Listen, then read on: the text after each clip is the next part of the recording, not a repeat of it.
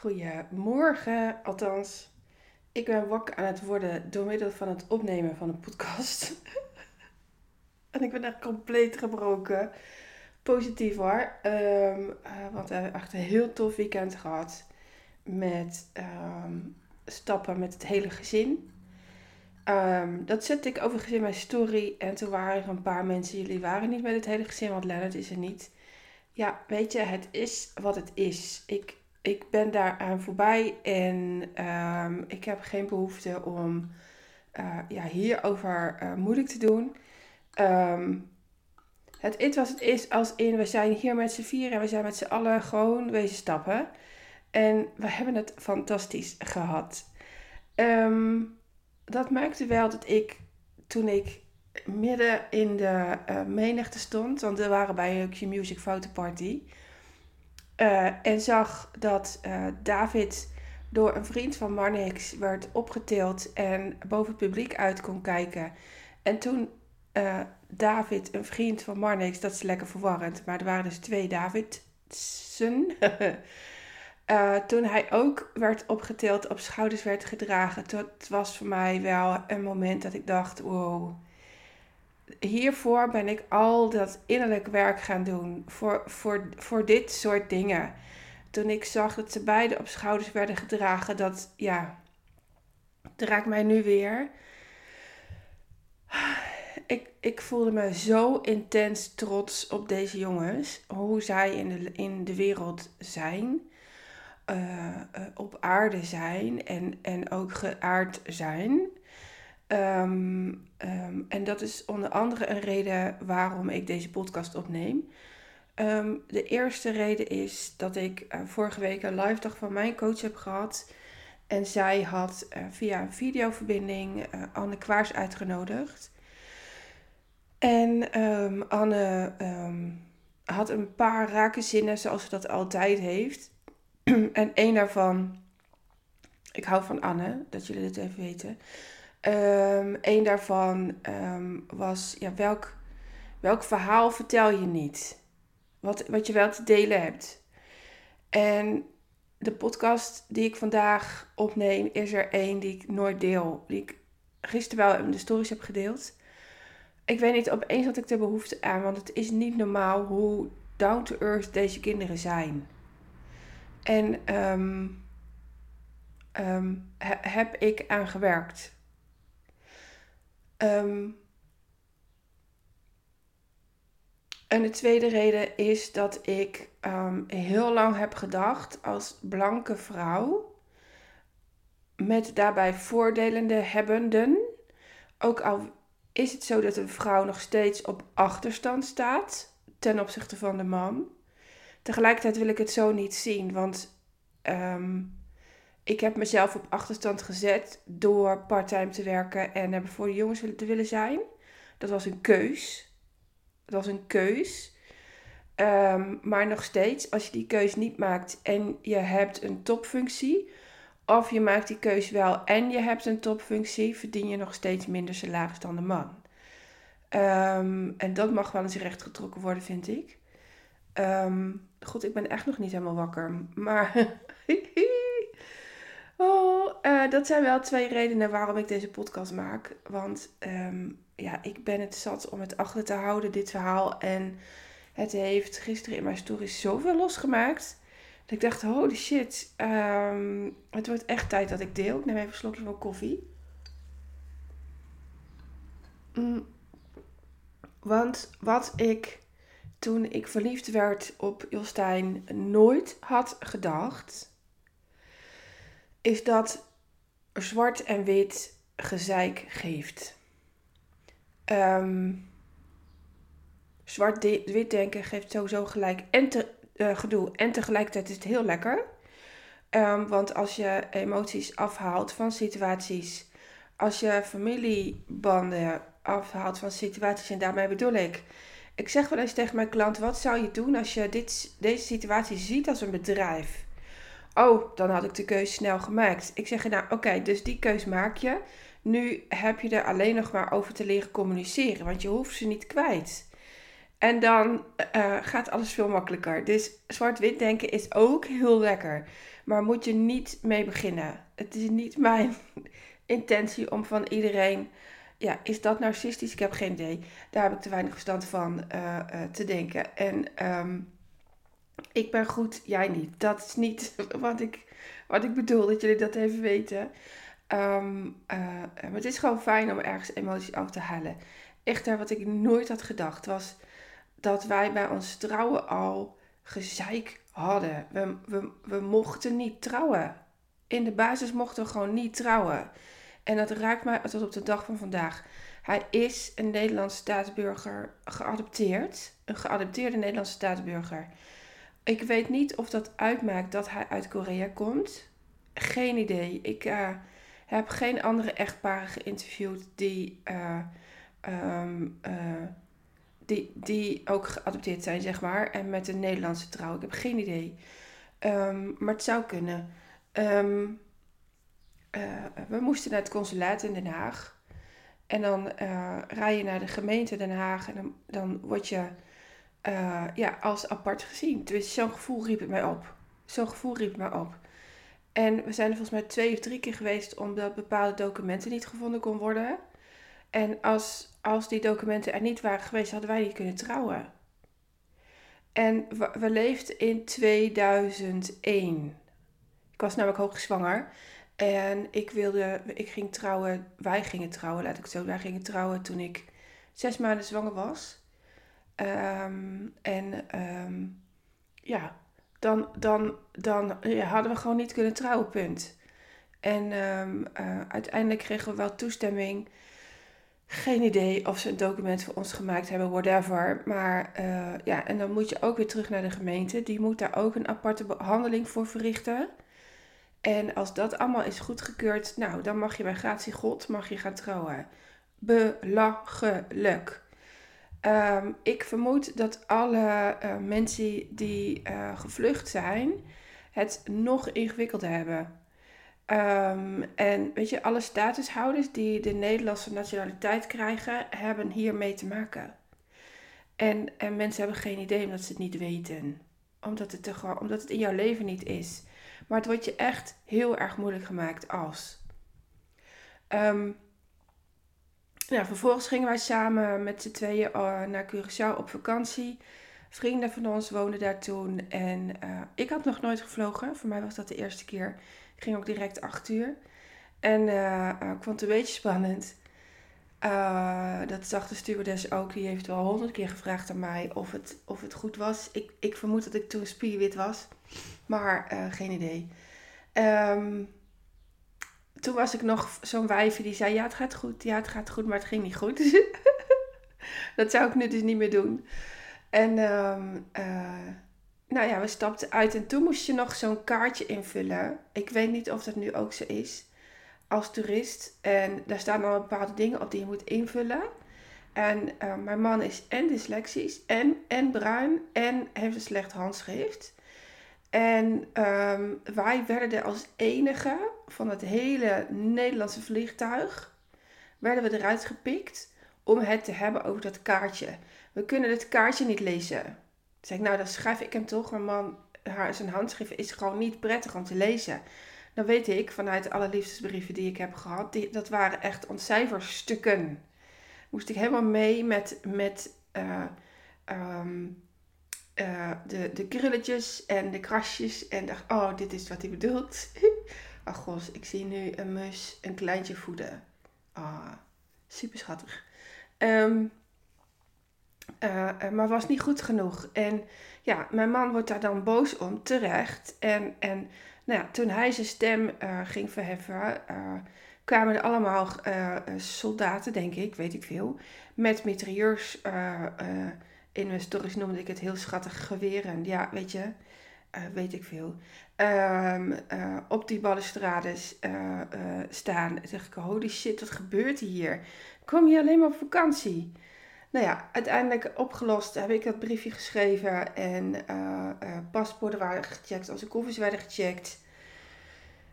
En geen drugs, geen alcohol, geen whatever. En nou, toen mochten we gaan. En nou, dat was dan ons begin van de vakantie. Ik stond stijf van de stress. Ik had en voor het eerst gevlogen en mijn man werd weer eens uitgepikt. Ja, weet je. Um, op vakantie in Frankrijk net zo. Ehm, eh, het is dat wij een caravan hadden en dat we niet van de weg werden gehaald. Maar zodra die caravan afgekoppeld is, dan begint het gezeik. Altijd. Wij moeten altijd blazen. Uh, onze auto wordt altijd gecheckt. Uh, er gaan, de, ik weet niet waarom, maar de potjes in Frankrijk zijn volgens mij een stuk sterker afgesteld dan die in Nederland. Want al bij binnenkomst gingen ze af. En er gingen hele bubs mensen naar binnen. En wie worden eruit gehaald? Mijn man en ik. En um, um, dat is echt heel vervelend.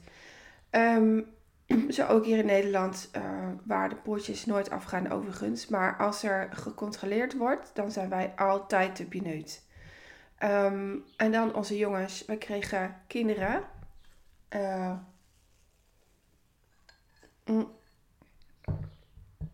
en al bij de uh, eerste check, als bij de verloskundige had gezegd: Oh, jullie zullen mooie kinderen krijgen. En dat ik echt dacht: Waarom zeg je dit?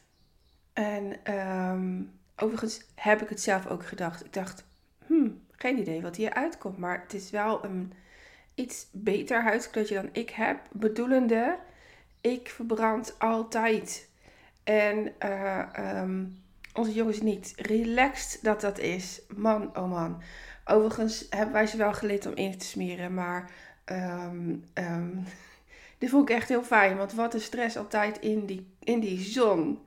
Man, oh man. En, uh, um, maar niet gedacht hebben, ik krijg mooie kinderen. Totaal niet. En, um, uh, uh, nou ja, en toen werden ze geboren en um, uh, gewoon spierwit, hè? Want kinderen met getinte ouders, laat ik het zo zeggen, um, dat weten echte Hollandse mensen weten dat vaak ook niet. Die worden niet bruin geboren. Wel iets donkerder dan Nederlandse kinderen. Of kinderen met een blanke huid.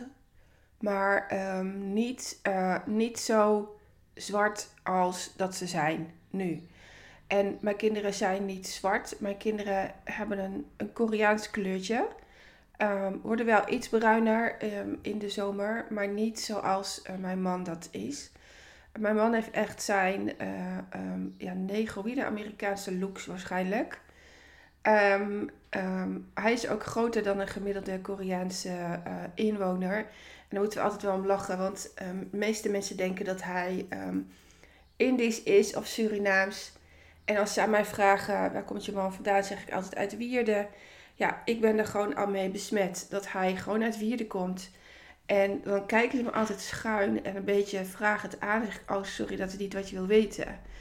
Uh, maar weet dat wij heel vaak deze vraag krijgen. En um, dat hij in weer is opgegroeid. Maar wat jij wil weten is dat hij Koreaans is. En dan vallen ze van zijn stoel, alsnog van verbazing. En um, uh, soms negeren we die vraag ook. En uh, dan zeg ik gewoon, wat maakt dat het belangrijk voor jou is om dat te weten? Kan je hem gewoon zien als mens? En um, niet dat ze dat niet doen, overigens, als als ze de eerste vraag stellen. Maar het wordt zo vaak gevraagd, mensen hebben geen idee. Hetzelfde als hoe gaat het met je? Na, nadat Leonard uh, uh, overleden was. En mensen stellen de vraag uit geïnteresseerdheid, maar ze hebben geen idee hoe vaak de vraag al gesteld wordt. En ik, ik test met de vraag, met de wedervraag, de oprechte interesse van de, van de man of vrouw die het vraagt. Omdat het zo vaak gevraagd wordt uit nieuwsgierigheid om te kunnen roddelen. En ik heb daar geen zin in. Ik heb geen zin om daaraan mee te doen. Um, maar goed, toen werden onze jongens geboren. En um, ik dacht, oh, twee jongens. Oh, dan ziet alles wel hetzelfde uit. Maar niks is minder waar. alles is anders. Um, echt, wat kun je bekrompen denken, hè? En um, bij, bij dag 1 hadden we door dat ze um, als anders gezien, tenminste ik, mijn man niet eens zozeer, want die is dit gewend. Die, die, die is zelf opgegroeid in een wereld, in een witte wereld, waarin hij als enige donkere jongen uh, er altijd uitgepikt werd. Maar ehm, voor mij was het nieuw. Voor mij was het nieuw. Ik werd er nooit uitgepikt. Punt 1, ik ben blank. Ik ben een meisje. En ehm, ehm, ik hield altijd mijn mond. Ik was te bang om mijn bek open te trekken. En punt 2, ik zat gewoon in een witte wereld. Uh, uh, dus weet je, voor mij waren dit nooit de issues. En ik dacht dat ik iedereen gelijk achter. Maar elk ik deed dat niet. Want, en, en zo'n DM heb ik ook gekregen. Voor mij is iedereen gelijk. Maar dat is niet waar. Dat is niet waar. Um, iedereen is gelijkwaardig, maar niet gelijk. Of iedereen is gelijk, maar niet gelijkwaardig. Zoiets. Ik haal, ik haal die twee altijd door elkaar. Maar ook ik, als ik van die kleine kindjes met mega grote bruine ogen als Zuid, in uit Zuid-Afrika zie, vind ik ze super schattig. Omdat ze anders zijn. Omdat ze er anders uitzien dan mijn kinderen. Omdat ze er anders uitzien dan mijn neefjes en mijn nichtjes. Die zijn voor mij al gewoon. En, en uh, daarmee maak ik al onderscheid tussen of iedereen gelijk is of niet. En um, um, het roept iets op. Het roept iets op. Um, ook de dochter van Rebels Only um, op Instagram. Uh, zij is uh, ook aan het delen hierover. Over anders zijn, over anders gezien worden, over eruit gepikt worden, over um, getrouwd zijn met een zwarte man. Want laten we gewoon even die huidkleur zwart noemen of bruin, maakt niet uit. Voor, mij maakt het niet uit als je maar weet dat ik er geen, geen bijbedoeling mee heb. Um, um, uh, zij is daar echt zo mooi en zuiver over aan het delen. Ja, dat vind, ik gewoon zo'n mooi meisje. En dat betekent niet dat ik mijn nichtje niet mooi vind. Echt niet. Ik vind mijn nichtjes net zo mooi. Maar het roept wel iets anders op. Het roept iets anders op haar haren. Mijn god, wat, wat, wat een mooi haar. En ik weet vanuit de nichtjes van mijn manskant. Dat is met een gedoe, kroeshaar. Daar, daar, doe, je uren over om dat in fatsoen te krijgen. Um, ik ben dus ook echt oprecht blij dat mijn kinderen de kroeshaar niet hebben gekregen van mijn man. Um, um, en zelfs mijn man heeft trouwens geen kroeshaar, dat denken mensen. het is heel zacht, krullend, uh, krullend haar. Maar het is geen, het is geen kroes. Het zag er wel zo uit toen hij nog haar had. uh, um, maar hun haar is wel, als ze bij de kapper komen, zijn, is de kapper altijd trots dat ze hun uitkiezen. Dat hun uit worden gekozen door mijn jongens. Want ze hebben wel echt prachtig haar. Ze hebben niet 100% Nederlands haar. Nou, en dan zijn ze alweer anders, snap je? En, en die is niet pijnlijk, um, um, maar dan ben je wel weer anders. Um, op school worden ze dus. Oh, laat ik eerst bij de crash beginnen. Want anders is het niet duidelijk waarom er gezeik op school kwam. los van het feit, dat moet ik wel even zeggen, mijn kinderen zijn aanwezig. Mm. Mijn kinderen hebben een pitje. Het zijn geen lievertjes, zo heb ik ze ook niet opgevoed. Um, om altijd maar aardig te zijn. Ik heb ze opgevoed juist omdat ik mijn bek altijd hield. Om eerlijk te zeggen waar het op staat. Um, dan het liefst wel met een aardige blik. Um, en dat mislukt heel vaak. Uh, zijn kinderen. ze leren het vanzelf.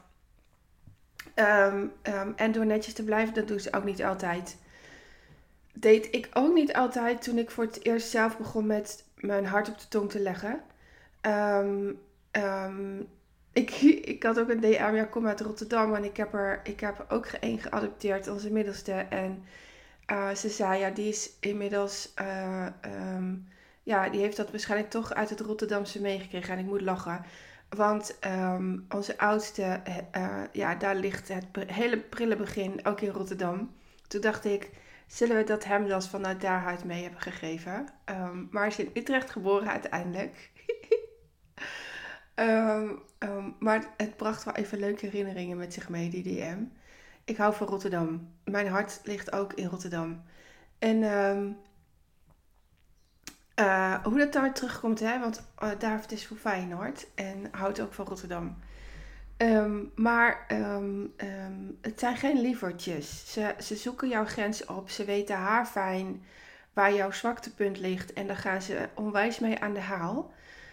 ze zijn wel graag geziene gasten daarom in, uh, bij feestjes. Omdat ze de gangmakers zijn, allebei. En, maar op de crash werden ze de standaard uitgekozen als, oh wat een leuke kinderen, oh wat mooi. Ze zijn ook nog eens super sociaal. Daar ben ik blij om, um, want het kan ook heel anders. Ze hebben allebei een rijkelijke vriendengroep en um, zijn eigenlijk nooit alleen. Ook al gun ik ze af en toe wel wat alleen tijd. Zij laten zich voeden door steeds weer interactie aan te gaan. Um, maar goed, daar komen ze op, uh, als ze ouder zijn, wel achter dat alleen tijd ook heel gezond is. Um, Um, maar ja, ze zijn pittig. En, en klanten, als ze hier in mijn praktijk komen, die, uh, die zeggen altijd: Oh, ik snap nu je podcast een stukje beter. Hoe jij hier als enige vrouw in dit mannengezin zit. ik ben de rustigste hier. En dat verbaast mensen nog wel eens. Uh, maar ik ben in de basis echt een heel rustig wijfie. En ja, dat zijn onze kinderen en is mijn man überhaupt niet. Um, dus ze worden dus sowieso al snel uitgehaald. Maar um, vanaf de crash werden ze er al uitgehaald als leuk, super schattig, mooi, um, gevat. Ze zijn echt gevat. Ze hadden toen, al gevoel voor timing. En daar is, is de grens wel een tikkie uh, overschreden.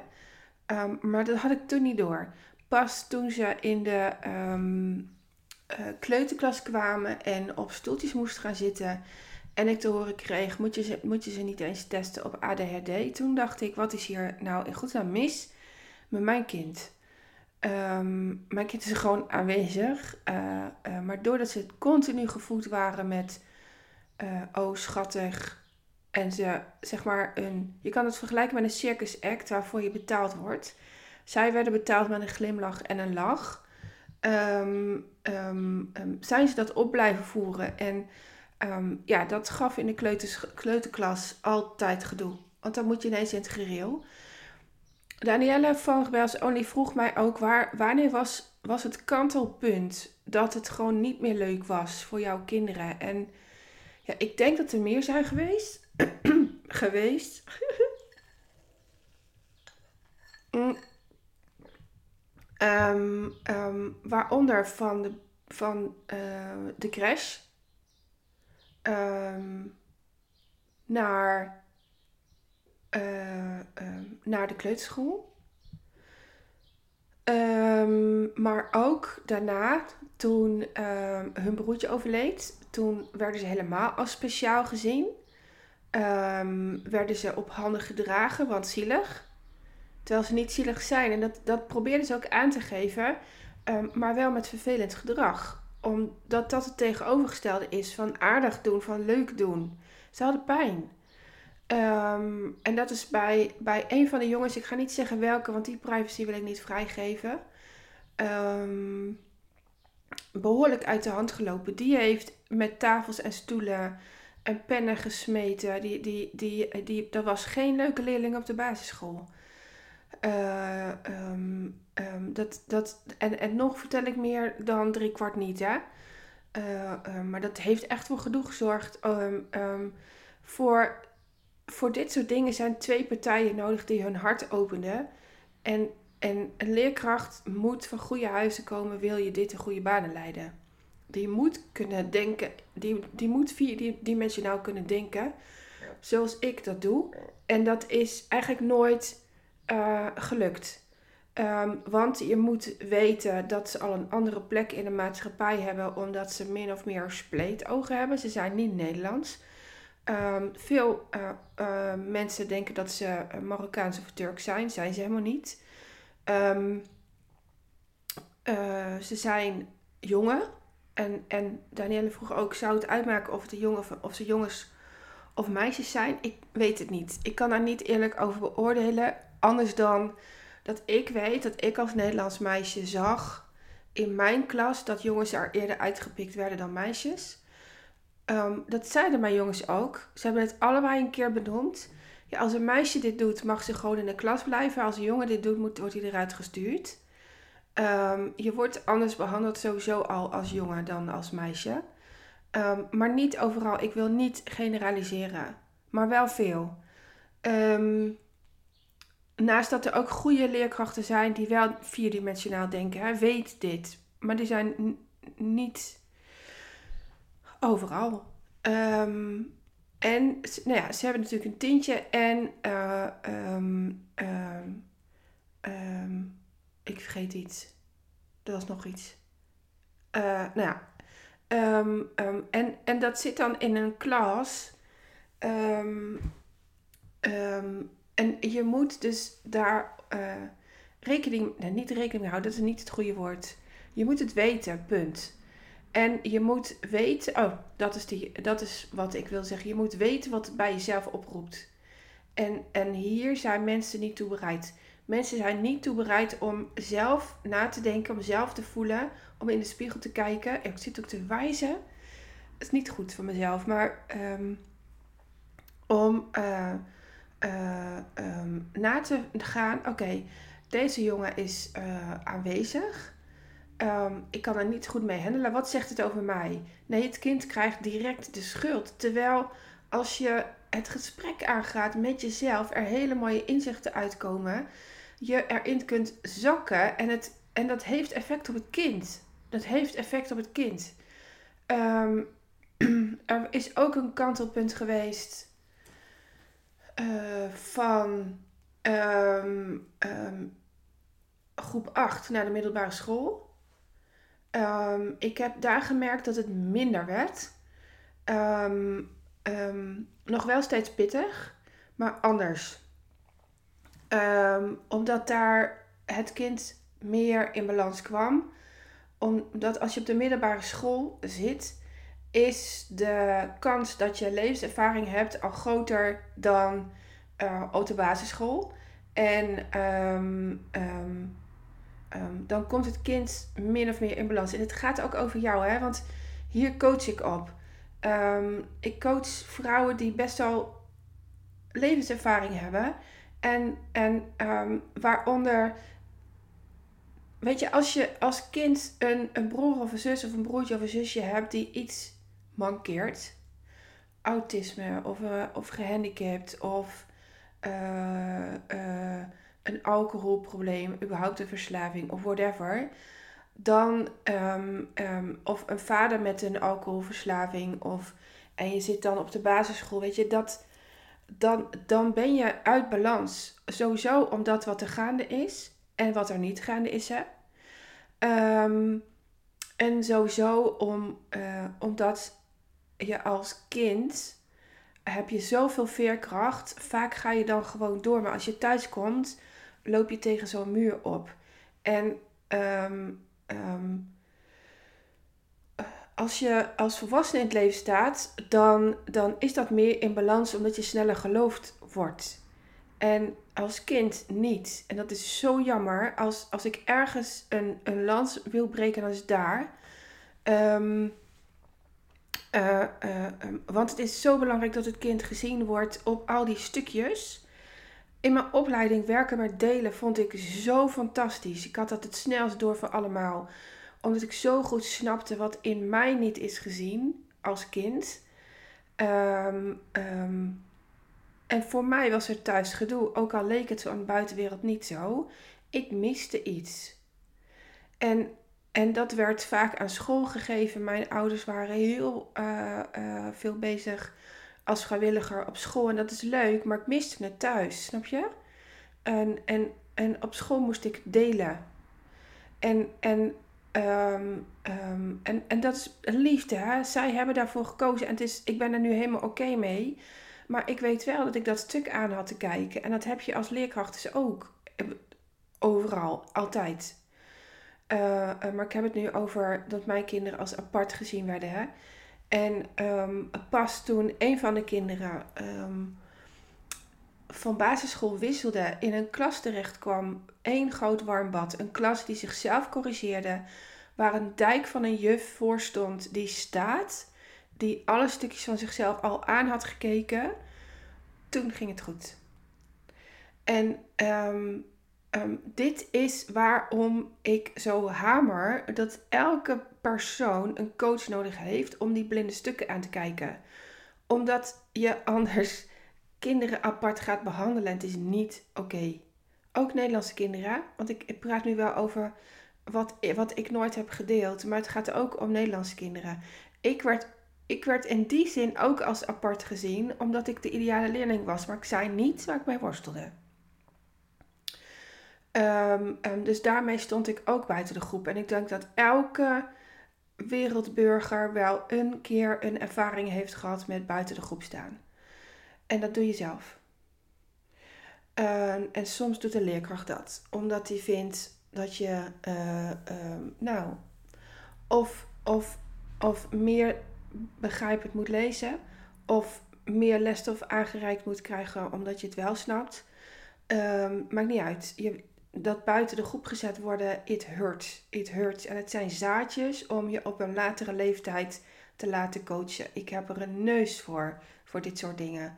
Waarom je je gedraagt zoals je je gedraagt. Dat is wel een van de redenen ook waarom ik deze podcast heb opgenomen. It hurts als moeder om te zien dat mijn kinderen aan de kant worden gezet met de auto.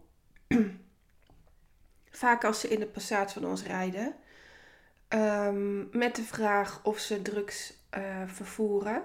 Met de vraag of ze de raampjes open hebben omdat ze, uh, uh, of ze aan het blowen zijn achter de stuur. It hurts. En um, it hurts dat. En, en um, vorig jaar heb ik, een, denk ik, in een podcast gezegd. Dat het thuis niet even lekker liep omdat er iets aan de hand was. En dat was dit. Ik heb toen ook gezegd: het komt vast ooit naar buiten, maar ik weet niet wanneer. Een van de jongens heeft een nacht in de cel doorgebracht en ik ben daar bijzonder door geraakt geweest. En soms nog. Um, want hij leeft nu op de handrem in, omdat hij een jaar voorwaardelijk heeft. En dat gaat uh, weg in oktober. Ik was net jarig geweest. Ik wist dat ik bijna geopereerd zou worden. En precies toen gebeurde het dat um, uh, ja, eindelijk was de kroeg weer open. Ze konden eindelijk stappen. En toen gingen ze ook nog naar zo'n grote dancefeest hier in de buurt. En um, ik kan niet oordelen over wat precies er is gebeurd. Maar ik weet wel dat meerdere um, jongeren het, dezelfde handeling. En welke handeling ga ik niet zeggen, dat is privacy um, hebben verricht. En dat mijn kind eruit is gepikt en een nacht in de cel is geflikkerd. En um, um, ja, toen raakte ik wel in paniek. Toen dacht ik wel, als, als dit is wat er gebeurt als je een tintje hebt, was ik dan maar nooit aan kinderen begonnen. Als dit is wat er gebeurt als je een tintje hebt, was ik dan maar nooit aan kinderen begonnen. Als dit is wat er gebeurt um, um, um, als je een temperament hebt en, en een grens bepaalt, was ik dan maar nooit aan kinderen begonnen. En, en, en dat raakt aan het wezenlijke dat wij eigenlijk niet mochten trouwen. wij zijn bezig geweest met bestaansrecht, enorm. En wij allebei voelen dat nu pas, dat we hier zijn met een reden dat we hier zijn. Ik zit bijna te huilen, jongens, omdat het zo raakt. Slokje koffie. Um, en onze jongens zijn daar ook weer bezig, um, mee bezig. Om te laten zien aan jou dat midden in het leven staan, dat van je hart geen moorkant maken, dat plezier hebben, dat um, een sociaal leven hebben en voor elkaar door het vuur gaan. Want dat is onder andere wat degene die in de cel werd gezet heeft gedaan. Voor vriendschap opkomen zo intens belangrijk is. Zo intens belangrijk is. En tuurlijk, ze experimenteren. eh, eh, en ik heb geen idee of ze dat ook met drugs doen. Ik wil het niet weten. Ze weten wat ik ervan vind. En als ik je betrap, ga je het huis uit.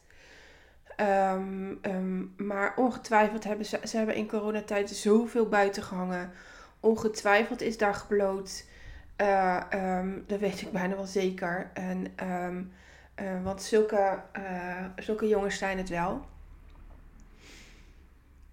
Maar ze zijn hier om jou te leren. En ik, en, ik, en ik zeg dat ook wel eens tegen mijn klant. Ik gebruik ze vaak als voorbeeld. Neem iets van de energie van deze jongen, want hij doet dat zo fantastisch. Ehm, zeg wat je denkt en doe dat op een wijze waar, waardoor je ook an, waarmee je ook andere mensen in jouw omgeving meeneemt in jouw proces. Tenzij je dat niet wil, hè? maar spreek dan ook niet meer af met, ehm, want dat doen ze hè? ze spreken gewoon niet meer af met degene die ze niet mogen. Ehm, ehm, en, en daar zijn ze ook gewoon heel eerlijk in. En wat dat met een ander doet, ja, dat is dan jammer, zeggen ze dan. En het raakt ze wel hoor. Ik zie dat ze aan, aan ze raakt. Maar dat raken, ik vraag wel eens, zie je dan niet dat? En, en afgelopen weekend, eh, want dat, dat een van de jongens aan de kant is gezet met de auto, met de auto en die drugsvraag kregen ze heel vers. En, en voor het eerst zag ik, liet hij, nee ik zag het niet voor het eerst, hij liet het voor het eerst zien dat het hem echt heeft geraakt. En ehm, dat deed bij mij een emmer overlopen. Waardoor ik ehm, zaterdagavond extra trots was hoe deze jongens door vrienden op handen gedragen worden. Letterlijk de lucht in worden getild eh, omdat. En ehm,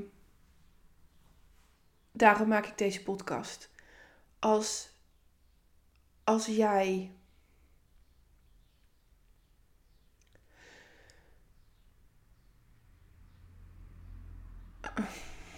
als jij kinderen met een tintje super schattig vindt, ergens onderscheid je ze dan al. En je mag ze schattig vinden, dat is niet wat ik bedoel, maar ergens onderscheid je ze al. Als, als jij dit hoort en pijn voelt, kijk dan eens waar je dat, voel eens waar je dat in je lijf voelt en waar jij zelf buiten de groep bent gezet of waar je dat zelf hebt gedaan. Ik heb dat zelf gedaan om te kunnen overleven. Um, en dat is weg. Ik, en ik, ik zit nog steeds niet graag midden in de groep. Dat weten jullie. Ik, ik sta er het liefst voor. Of ik zit het liefst vooraan of ik zit het liefst achteraan. Um, um, en ik zie dat ook als mijn plek ik wil niet meer middenin. Dat zet mij alleen maar klem. Dan kan ik niet bewegen. Um, uh, maar voel eens waar dat over gaat. We hebben allemaal, we hebben allemaal een thema in ons. Die gaat over gezien worden, gehoord worden, begrepen worden. Dat willen we graag. Ik heb dit achtergehouden um, omdat ik er nog niet. En je merkt het ook in mijn podcast. Ik, ik heb nog steeds niet de juiste woorden hiervoor. Want mij raakt de Zwarte Pieten discussie dus niet. Het raakt mijn jongens ook niet. Die vinden de Zwarte Pieten legende een legende. En vinden het helemaal oké als het zo blijft. Maar wij snappen als gezin ook want wij, zien het als een legende. Wij zien het als een. Uh, ja, weet je, als een. Is het dan een erfgoed? Um, maar wij weten ook donders goed dat er dingen in kunnen zitten die. Um, um, die vanuit je roots flink zeer kunnen doen. En het duurt nog wel even voordat we hier met z'n allen uit zijn. Um, het duurt nog wel even voordat, en misschien is het nooit, hè? Dat kan. Maar laten we er dan in ieder geval mee bezig zijn. Um, het duurt nog wel even voordat we allemaal. Ik weet eigenlijk ook niet of we hiernaar moeten streven. Wacht even. Ik krijg toch een dik vet inzicht tijdens deze podcast. Ik wil namelijk niet gelijk zijn aan, aan jou. Dit vind ik echt saai. Ik wil wel gelijkwaardig behandeld worden. Snap je? Um, en, en dat is niet. Dat is het niet. Gelijkwaardig behandeld worden is er niet. Nergens niet. Ik word namelijk anders behandeld in de action als ik in mijn pak kom, dan dat ik in mijn joggingbroek naar binnen kom en, en, en een iets te strak shirt en mijn naveltruitje aan heb. Ja? Ik word anders behandeld daar als ik. Een, ik heb geen naveltruitje, dat jullie het even weten. um, als ik bij de Action hier kom, en dat, dat, die zit in de wijk waar ik ben opgegroeid. En misschien dat ik daarom, daarom een hoge tolerantiegehalte heb. Uh, want ik zie in elk mens het goede. En, en, en zelfs in de meest vreselijke daad zie ik waarom die daad wordt verricht. Uh, maar ik ben een ziener. En, en um, dat is niet iedereen. Um, die, dat is een multiculturele wijk. Als je voor het eerst in deze podcast komt, is het handig dat ik dat deel. Het is een multiculturele wijk. Als ik, als ik daar uh, met mijn naveltruitje zou komen, uh, gouden oorbellen, een ketting, uh, een korte broek die iets te hoog is en een deel van mijn billen vrij maakt, word ik anders behandeld dan dat ik daar kom in mijn pak. En um, tegen mij wordt u gezegd en tegen, tegen de, al mijn oude ego wordt je gezegd het klopt niet. Het klopt niet. Het klopt nergens niet. Niet alleen bij mijn kinderen, maar het klopt ook bij mij niet. En het klopt bij jou niet. En, en, en wat ik denk ik met deze podcast wil zeggen is: open je hart nou eens en wees nieuwsgierig naar het verhaal erachter. Wees nieuwsgierig naar het verhaal erachter.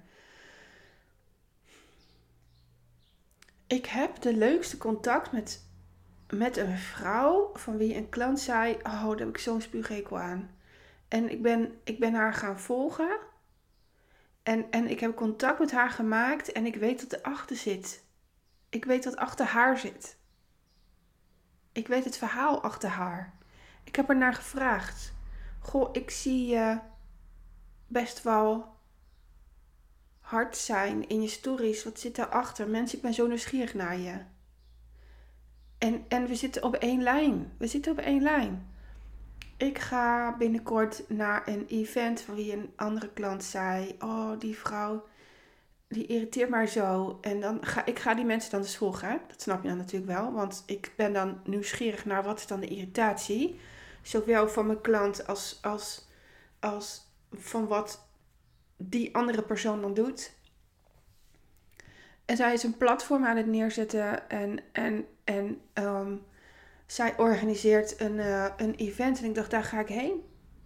Ik wil weten hoe zij dat doet. En ik wil weten wat erachter zit en waarom ze dat doet. En ik wil weten wat voor gasten ze uitnodigt. En ik wil weten wat voor publiek daar komt. En ik, uh, um, ik wil er ook van leren. Ik wil ervan leren. Ik ben nieuwsgierig. Ik, ik slurp ze als ik zelf iemand irriteer, dan ga ik het of ontvolgen, want dat is ook een keus, of ik ga het gesprek aan. Want irritatie heeft iets voor je. En, maar dat, dat is de andere kant van iets schattig vinden. En het, en het past in dezelfde. Vera Helleman heeft het altijd over emotiegroepen. Zij zal zeggen: dit, dit, is, dit is misschien wel een verschillend emotiegroep. Uh, um, ik ervaar ze als hetzelfde. Want een het, verschil is dat de ene een positief iets bij jou oproept en de andere een negatief. Maar ze hebben allebei iets voor je. En het is niet per se zo dat een positieve emoties. Ah, oh, wat super schattig. Um, um, en misschien zit hier wel de meeste waarde in van deze podcast. Uh, ook positief is voor degene die jij super schattig vindt. En zeker ook niet positief voor jou, want je bent onderscheid aan het maken. En het mag hè, je mag onderscheid maken, maar weet dan wel waarom je dat doet. En wat voor geschiedenis erachter zit. Wat voor geschiedenis erachter zit. Um, ik heb mezelf buitengesloten heel vaak om mijn geschiedenis. Maar waarom sluit jij jezelf uit? En, en waarom denk je niet en en? Waarom zet je jezelf niet in een groep? En ik weet het, het is echt niet mijn plek, maar ik heb dit wel onderzocht. Wat maakt nou dat ik niet fijn zit in een groep? Ten eerste al, het geeft mij een benauwd gevoel en dat brengt mij helemaal terug naar mijn bestaansrecht. Dus ook de bevalling. Ehm, eh, eh, waar ik met mijn voeten kwam en, en het benauwd heb gehad. Um, ik moest daar letterlijk uit gehaald worden. Um, ik kwam ook blauw ter wereld en een navelstreng om me heen. En ik wil dat gevoel, ik gun mezelf dat ik dat gevoel niet hoef te ervaren. Dus sta ik op als ik midden in een groep zit. Tenzij het voor mij hele veilige mensen zijn tussen wie ik zit. Als ik nu uh, naar Invent ga en ik neem klanten mee en ik, en ik zit tussen twee klanten in, is het voor mij oké. Grappig hè? Uh, maar dan nog ga ik mezelf te raden, is dit de meest fijne plek om informatie te slurpen voor mij of niet? En als het niet zo is, ga ik een andere plek. Kan ik, dan ben ik in staat om op de grond te zitten of de hele dag te staan. Of um, uh, een stoel mee te nemen. Of een stoel te vragen dat ik daar ga zitten. Um, omdat het mag en omdat het kan. Er komt vast een vervolg op deze podcast. Dit, dit was een soort van oefening om te delen. Dit was een.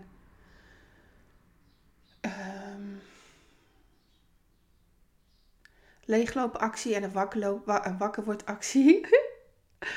um, dit was een. Wat deel je niet, wat wel verteld moet worden. En, en het was nodig. Als ik zie hoeveel DM's ik hierover heb gehad, dat is niet normaal. Um, ik heb gistermiddag heel even aan de IJssel gelegen om je al jullie DM's los te laten. Want ik had ook weekend en ik heb echt spierpijn van het feest. van vier uur dansen. Wat was het gaaf, jongens. Ik zou zo vanavond weer gaan, zei ik gisteren tegen mijn man. Je bent echt gestort, zei hij. Ik zeg, nou, dat klopt. Dat is een feit. Ehm, maar deze podcast is er nodig en, en er komt vast nog meer. Uh, mogelijk dat ik met Danielle interactie podcast ga doen. Um, zij zei iets moois trouwens, dat wil ik nog wel even delen. Het is zijn verhaal. En ik dacht, ja, ik maak deze podcast als moeder. Als moeder. Als de pijn die ik ervaar bij het zien van mijn jongens die aan de kant worden gezet. Door die er eerder uitgepikt worden door. Ehm, ik heb wel iets details gegeven, maar niet alles. Ik sta dus op de rem in deze podcast, maar dat doe ik bewust. Ehm, maar wat ik zie aan mijn jongens is dat ze letterlijk plek nemen. En als je het daar niet mee eens bent, gaan ze het aan, nog steeds aan. En zij stoppen niet. Ze hebben natuurlijk mij ook als moeder. Ik, ik laat ze ook niet stoppen. Ehm, en dat gun ik jou ook. Dat gun ik jou ook. Dat is de les die ik steeds weer uit mijn jongens haal. Ze stoppen niet. En, en, en ze gaan voor een ander door het vuur. Daar kiezen ze in. Ze gaan niet door, voor, iedereen door het vuur. En, en de, de uitspraken die ze daarin doen zijn heel vaak super onhandig. Maar wel kei eerlijk. Um, zij maken ook onderscheid, hè? Ik, ik zei al, ik heb echt geen lievertjes. Zij maken ook onderscheid. En ik zei ook in deze podcast, dat mag. Maar weet wel waarom je dat doet. Ik denk dat deze podcast klaar is. Schrikken van hoe lang ik al aan het lullen ben. 48 minuten. Ik ben heel erg benieuwd wat jouw inzicht uit deze podcast is. Wat je eruit haalt. Ehm, wat je anders gaat doen. En ik hoop, ik hoop zo dat als je iets schattig vindt of als iets jouw um, empathie oproept of iets een hoog schattigheidsgehalte heeft en jij wil zeggen ah of mooi, weet je dat? Of als iets je irriteert dat je nieuwsgierig wordt naar het verhaal erachter. Waarom roept dit bij je op? En waarom roept dit jouw emotie op? Dat ze Um, Want, want dan krijg je echt de mooiste gesprekken met jezelf. En ik wil dat je dat gesprek met jezelf aangaat. Dat gun ik je zo. Dat gun ik je zo.